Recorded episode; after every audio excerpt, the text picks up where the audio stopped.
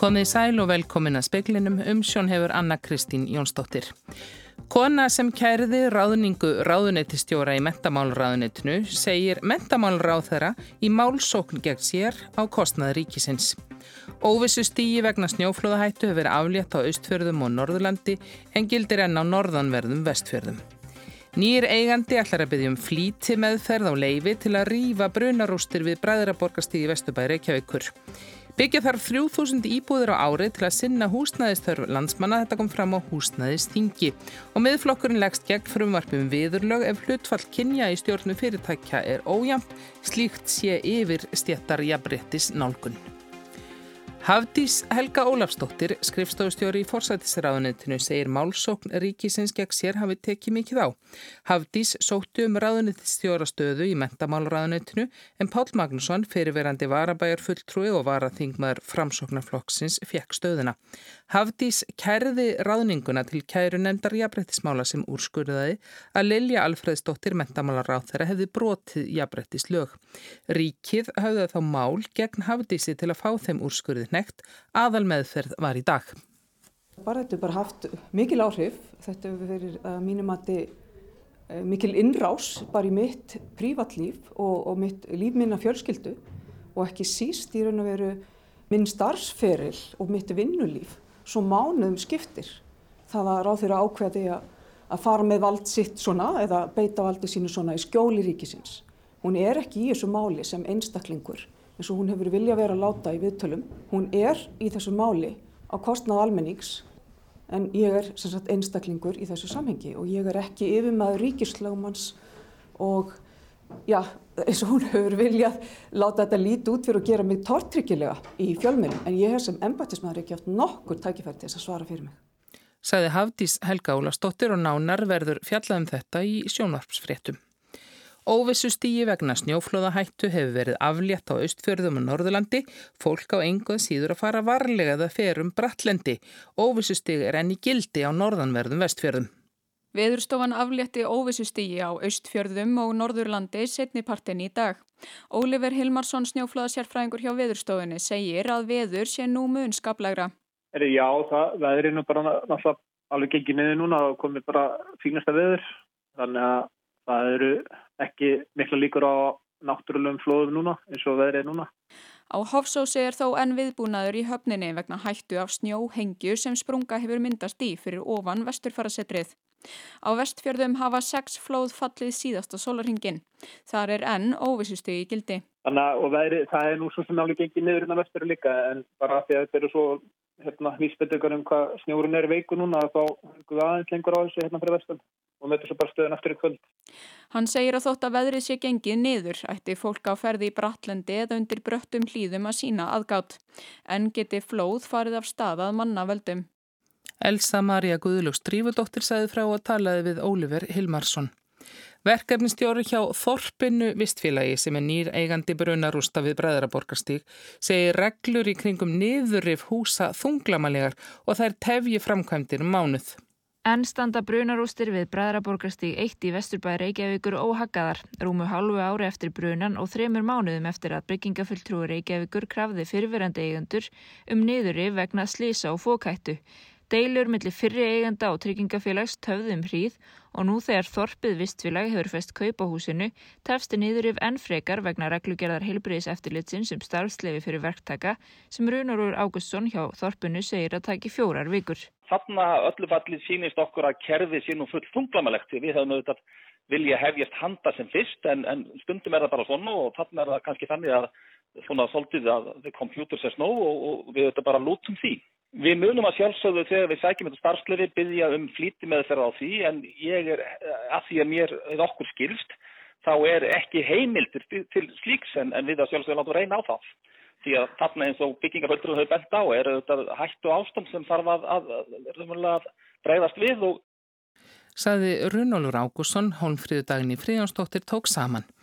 Pólskur maður í Reykjanesbæ segir ástandið í bænum báborið. Fjórðungur íbúa er án atvinnu. Hann segir að sömur hafi valið að fara heim til Pólans en flestir býði stormin af sér hér.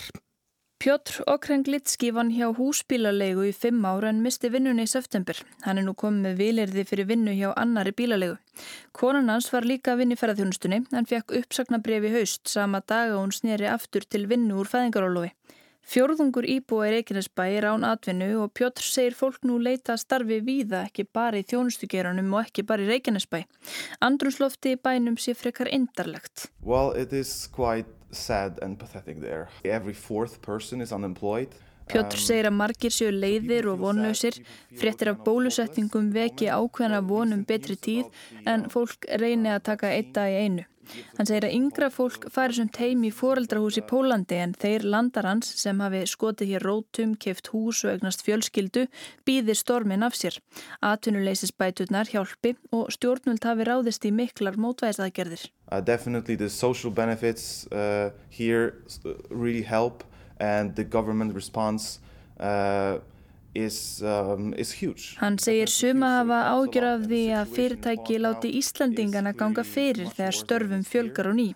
Það sé líklega eðli allra samfélaga að passa upp á sitt fólk. Það týðkist allavega í Pólandi. And, and maybe Polish people they have it in their heads maybe also just because uh, in, in, in Poland this is what all, often happens. The, the, the jobs, the best jobs are, are taken by family or friends and so on saði Pjótr Ogreinlitski, Arnhildur Haldanadóttir talaði við hann. Útlitt er fyrir að skortur verði á íbúðum í ár og á því næsta og það þyrrt að byggja um 3000 íbúður ári á næstu tíu árum ef mætætti þörfinni. Þetta er meðal þess sem kemur fram í skýrslu húsnæðis og mannvirkja stopnar um stöðu og þróun húsnæðismála sem kom út í dag. Aldrei hefur meira verið lána til íbúða kaupa og til að endur fjármagna fastegnalán enn í fyrra. Hagfræðingar, húsnæðis og mannvirkjastofna telja að fastegnaverð haldi áfram að hækka í ár. Nánar verður fjallaðum skýrsluna síðar í speklinum. Bergþór Ólason, varaformaður þingflokks miðflokksin, segir frumvarpum dagsektir ef hlutfall kynja í stjórnum sé ójamt vera einhvers konar yfir stjætta jafnbrettis nálgun. Allt annars konar aðgerið hjálpi frekar jafnbrettismálunum. Bryndís Haraldsdóttir, þingmaður sjálfstæðisflokk, segir því miður síni rannsóknir að þörf sé á slíkum reglum. Jóhanna Vigdís Hjaltadóttir tek við. Lilja Rafni Magnúsdóttir, þingmaður vinstri grætna og formaður atvinnuga nefndar alþingi smælti fyrir frumvarfi sínu og þingmanna allra flokkanema með flokksins um breyting á lögum um samminnufélög, lögum um engar hlutafélög, lögum um hlutafélög og lögum um samegnarfélög sem er um viðurlög vegna hlutfallskynja í stjórn. Það er að dagsektum verði beitt ef hlutfall annars kynns er minna en 40%. Mælt var fyrir frumvarpin í oktober, önnur umræða hóst í byrjun desember og var framhaldið á alþingi í dag. Bergþór Ólason var að formaða þingflokks og miðflokksin spurði í dag hvort þetta væri það sem brinni á konum. Hann teldi meira jafnbryttismál að hvernastjættur getur valið sér vinnuveitanda. Þetta er miklu meira jafnbryttismál og mun stiðja við launatróðum þessara hópa. Heldunni það hvort að einhver tuskubúð út í bæ með 52 starfsmenn sé með tildekna kynjasamsetningu á stjórn sem hittist kannski einu sinni í mánuði. Þetta er einhver svona yfirstjætta jafnbrettis nálgun. Sagði Bergþór Ólason, Bryndís Haraldsdóttir Þingmaður sjálfstæðisflokks og eitt flutningsmaður fyrir massins, sagði óumflíjanlegt annað en beita slíkum viðurlögum. Ég er á þeirri skoðun, því miður, að því miður, þá þurfum við að hafa einhverja reglur hvað þetta varðar. Ég vildi óska við þyrstum þess ekki. En því miður þá er það mitt mat að við þurfum á slíkum lögum að halda. Saði Bryndís Haraldsdóttir. Brynjar Níelsson Þingmaður sjálfstæðisflokks tók þátt í umræðinu nú á sjötta tímanum og hrósaði miðflokknum fyrir andstöðu við frumvarpið sem væri að hans mati vond og enn einn byrtingar minn þess hvernig beita ætti þvingunum ríkisvaldsins. Þinghaldi aðdraðanda kostninga hefur oft reynst erfitt en fórseti alþingis er vongóður um að störf þess gangi vel næstu mánuði og gerir ráð fyrir að störfum ljúki 10. júni. 92 frumvörp er í nefnd og 47 býða fyrstu umræð á alþingi meðal stóra mála eru breytingar á stjórnarskrá, fjölmiðlalögum og sala á hlut ríkisins Íslandsbanka. Mál sem eru hefbundin þrættuepli í íslenskri pólitík. Stengrimi Jósefússon segir að störf þingsins hafi gengið vel og hann er vongóður um gott þing. En reyndar held ég, á þess að ég ætla að blanda mér í það svo sem pólitíst, að þetta sé alls ekki gali skipulag að kjósa snemma hausts því það þýðir að alþingi hefur heilan óskertan þingvetur í lok kjörtímabilsins til að ljúka sinni, sínum störfum og þetta og ætti að valda minni tröflunum á starfi þess síðasta eh, árið fyrir kostningar þegar þó þessi fjarlæði er til staðar. Þingið hafi verið ágætlega afkasta mikið þrátt fyrir erfiðar aðstæður. Auðvitað geta alltaf gerst að samningar um afdrifmála undir lokin verði erfiðir, ekki síst þegar kostningar nálgast. En hann bendir á að í stjórnarskrár frumvarfi forsættisráð þeirra séu ákveð sem styrkja alþingi. Til dæmis ég þarf opnað á að mál geti lifað milli þinga og ekki þurfi að byrja aftur á byrjunar reyt. Ég er mjög áhersamur um þessa breytingu. Ég held hún getur orðið til góðs en það þarf að setja skýran eh, ramma utanum þetta eh, og ég vona það að, að alþengi sé heldur að rétta sinn hlut eh, meðal almennings og, og mér finnst það eiga inni fyrir auknu trösti.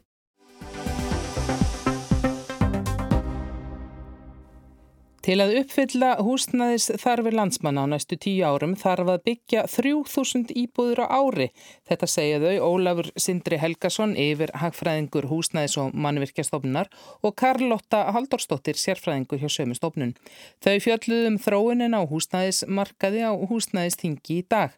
Síðast ár, árið 2020, COVID-árið, reyndist vera hitt fjörugasta og umsviða mesta í kaupum og sölu á fastegnum frá því árið 2007.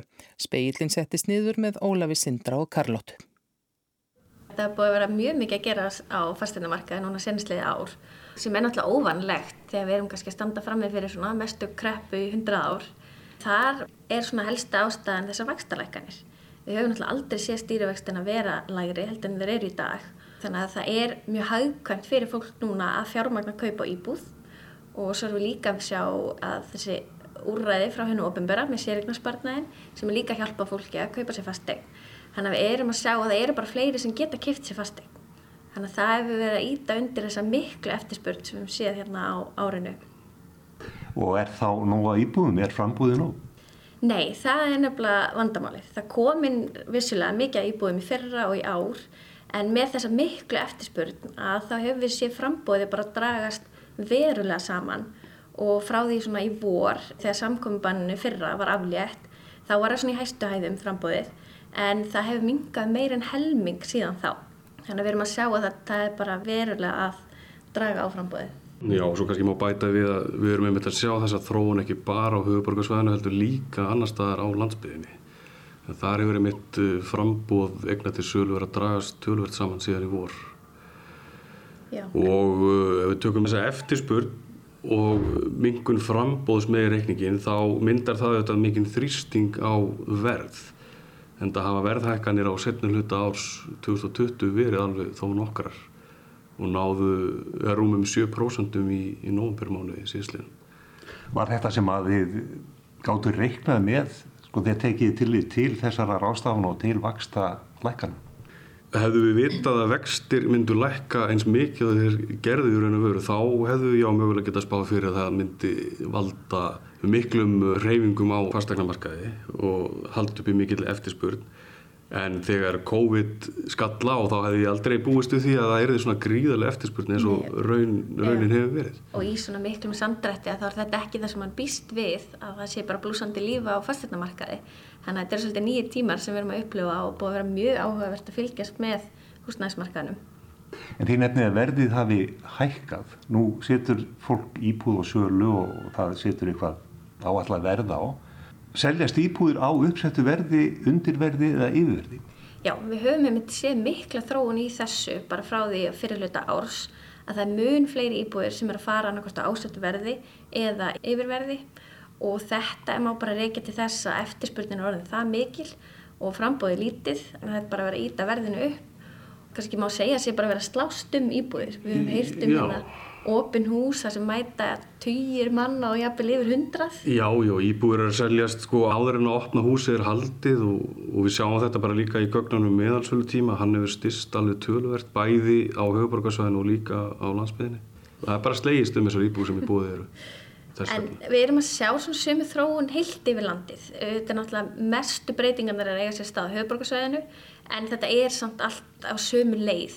Ég hugsa það líka bara, það er kannski ekki sama frambóð af eignum á landsbyðinu og ekki jafn mikil ný uppbygging á íbúðum og er á höfuborgarsvæðinu. Þannig að það kannski er hluti af þessari ástöðum að fólk hefur bara ekki eins mikil tækifæri. Hverjir eru það sem að eru að kaupa núna í fyrsta sinn? Hvaða hópur er það? Sko meðal aldur fyrstu kaupenda er í kringum 30 ár og hann, það hefur verið stöðut meðaltal í daldinn tíma. Og hann hefur stækkað mjög mikið þessi hópur. Ég held að sé, hvað er ekki verið, eitt þriðji kaupenda núna er fyrstu kaupenda. Já, það, þetta, já, hlutvalli hefur náð, náði rúmlega 30% bæði á höfuborgarsvæðinu og annar staðar á landsbyðinu á síðasta ári og það var gríðarlega fjölgunum mitt í hópi fyrstu kaupenda. Mm -hmm. En það sem við erum að sjá að það er mikið af fólki líka að fara af legumarkaði og yfir í eigið húsnæði vegna þess að vextir hafa lækkað svo mikið og svo afalust spila líka ráðstöfun sérregnarsparnar fyrir fyrstu kaupendur stórt hlutverk. Já, við höfum bara að segja að leigumarkaðin hefur svona hlutvarslega verið að minga. Það er bara færri á leigumarkaði í dag heldur en var bara upphafi árs og það má helst reykja til þess að þeir séu komnir í eigin húsnæði. Kanski hópur sem hafði ekki tökað í að kaupa sér eignir fyrir þessar vakstalekkanir að þeir eru kannski að sjá fram á að geta það núna. Þeir séu að koma svona nýjir inn á markaðin. Svo reynda margir að fara að legumarkaði í, í fóraldrús en það er yngsti aldursókurinn og það er kannski vegna þess að þetta eru mestmæknis námsmenn og fólk sem hefur mistu vinnuna en mesta atvinnuleysið er einmitt í þessum hópi. Já, við höfum einmitt séð svolítið flutning líka og fólki af legumarkaði aftur í fóraldrahús og það má kannski einmitt reykja til þess að það er atvinnuleysið mikið meðal ungs fólks. En er það klárt, er auðveldara fyrir fyrstu kaupundur að kaupa núna heldur en bara fyrir örfáum árum? Já, það er hagkvæmara að fjármagna kaupa íbúð núna. Áborgunin er læri en vissulega hefur náttúrulega verðið hækkað á eignunum eins og við tölum um áðan, þetta er svona 8% mm hækkun yfir árið Þannig að jú, eignindar eru dýrari en þú kannski kemst á frekar í gegn greiðslumat. Já, þrátt fyrir að eignindar séu dýrari þá er greiðslupurinn samt lægri heldur en fyrir nokkrum ára síðan. Já. Hún er lækkað um 30% á venjulegum lónum. Já, það er kannski spila svo stórt hlutverk að ef þú átt fyrir útborgunum eða getur retta því að þá getur staðum mjög betur við áborganinnar. Nú fjalliði á húsnæðistingi um húsnæðis þörfina, það er yfirskrift ykkar erindis. Hver er þá húsnæðis þörfin hér í dag? Þörfin er metin hjá okkur með líkanir sem tekum miða mannfjöldaspá hagstofunar og öðrum þáttum. Óuppfyllt íbóðþörf sem hefur myndast síðan árið 2016 og náði hámarki 2019, hún lækkar í raun og veru milli ára núna og það er náttúrulega vegna þess að íbúafjölgun er ekki eins mikil hún var árið áður og, og árið þar á undan og það hefur losnað um Airbnb íbúðir og, og fleira í þeim dúr þannig að hún lækkar eins og milli ára núna en hún er samt sem áður metin á bylunu 3200 til 4800 íbúðir sem að þarf að koma til viðbótar við það sem er nú þegar til staðar Er þá að tala um allandi? Þá er þetta um allandi, já. En, en 80% af þörfinni er á höfuborgarsvæðinu og suðunissu. Og það þýðir að við, erum að meta þörfina hvernig ættu íbúðunar að vera. Hvað ættu að vera tilmarkar íbúður með á fólksfjöldan sem er núna og þá er ennþá skortur. Og er búin að vera svona cirka skortur síðan árið 2016 og það er ekki ennþá búin að vinna á honum. Núna er uppi kannski merki um að það mun hægjast á íbúðu uppbyggingu, það mun ekki koma fleiri íbúður eins og margar en á markaðan og við erum að vonast eftir. Að þá mun þessi þörf aukast. Þannig að við erum að vona að Já, hún ekst töluvert til ásins 2023 vegna þess að það er gríðalegu samdráttur í byggingu íbúður húsnæðis með talningu samtaka innaðarins í fyrra var um 40% samdráttur í byggingu íbúður húsnæðis á fyrstu byggingastöfu sem mun hafa áhrif á frambóði eftir 1,5-2 ár. Mm. en það er líka samdráttur í byggingu íbúður húsnæði sem er lengra komið þannig að við munum finna fyrir samdrættinu líklega strax í ár. Og af þessum sögum mun íbúðarinn aukast ennþá meira og jafnvel vera orðin jafn mikil árið 2023 þar sé að óuppvilda íbúðarþörfin og á hápunktunum 2019 þannig að við náðum að saksa á íbúðarþörfina núna en hún mun aukast aftur það ef, ef það verður ekki byggt meira já. Já. og við erum kannski líka þú vorum að sjá hvernig íbúðir þyrti og, og það er mesta þörfun og mun vera mesta þörfun á svona litlum hagkvæmum íbúðum hinga til hefur svona byggingamarkaðin ekki verið að annað þeirri eftirspurð þeir hafa velja verið að byggja starri íbúðir en það hefur svona verið að breytast undirferðin ár. Já, það hefur verið að breytast fyrst, já, frá aldamótum er meðaltali 12% af fullkláruðum íbúðum, sagt, íbúður sem eru 70 fermetrar á minni en núna síðustu tvö ári er þetta hlutalt komið upp í 30% mm -hmm. sem þýðir að byggingaræðilega hafa verið að byggja fleiri íbúður svona í taktu þarfir heimilana en það er alveg auglust að það þarf að byggja meira á næstu árum og ekki bara meira heldur líka réttu íbúðinar til að saksa alminnilega á þörfina og ef við viljum uppræta þessa þörf á tíu árum þá þarf að byggja hérna um 3000 íbúður ári. En hvað þýðir þetta bara á næstu árum í íbúðaverðið? Verður harðar slegist um þær íbúður sem er á markaði? Já, því ég held að það sé óhitt að segja það. Ef að vextinu verða áfram lágir og eftirspurnin verður áfram há, að þá erum við ekki fara að ná annars er eftirspurn. Það tekur náttúrulega tíma að byggja íbúðir, en þó hún myndir taka við sér, það tekur þetta samt tíma. Þannig ég held að við munum klálega að sjá verðið halda áfram að hækka. Já, Ef ekkert annað kemur inn. Ég held að það er allavega ekki að fara að lækka. Nei, það er sjálf á reynu. Já. Þannig að já, ég hugsa að það sé ennþá bara mikill þrýstingur Já, fyrir sem hækkar verðið. frambúð er bara ekki að annað eftirspurninni. Nei. Umhverfis ráþar hefur kynnt tillögur að reglum um uppbyggingu vindorku á Íslandi. Samorka segir að tillögurnar séu skrefi í rétt átt en þó þurfið að breyta þeim. Eigandi vindmilu fyrirtæki segir að umsóknarferlið verði tvöfalt erfiðara. Það hefur verið tekist á um vindorkuna þó að fjölmarkar hugmyndir og áallanir um vindorku verð viðsvegur um landið hafi verið kynntar hefur ekkit orði af þeim áformum vegna þess að engar reglur eru til um hvernig máls meðferðin eigi að vera.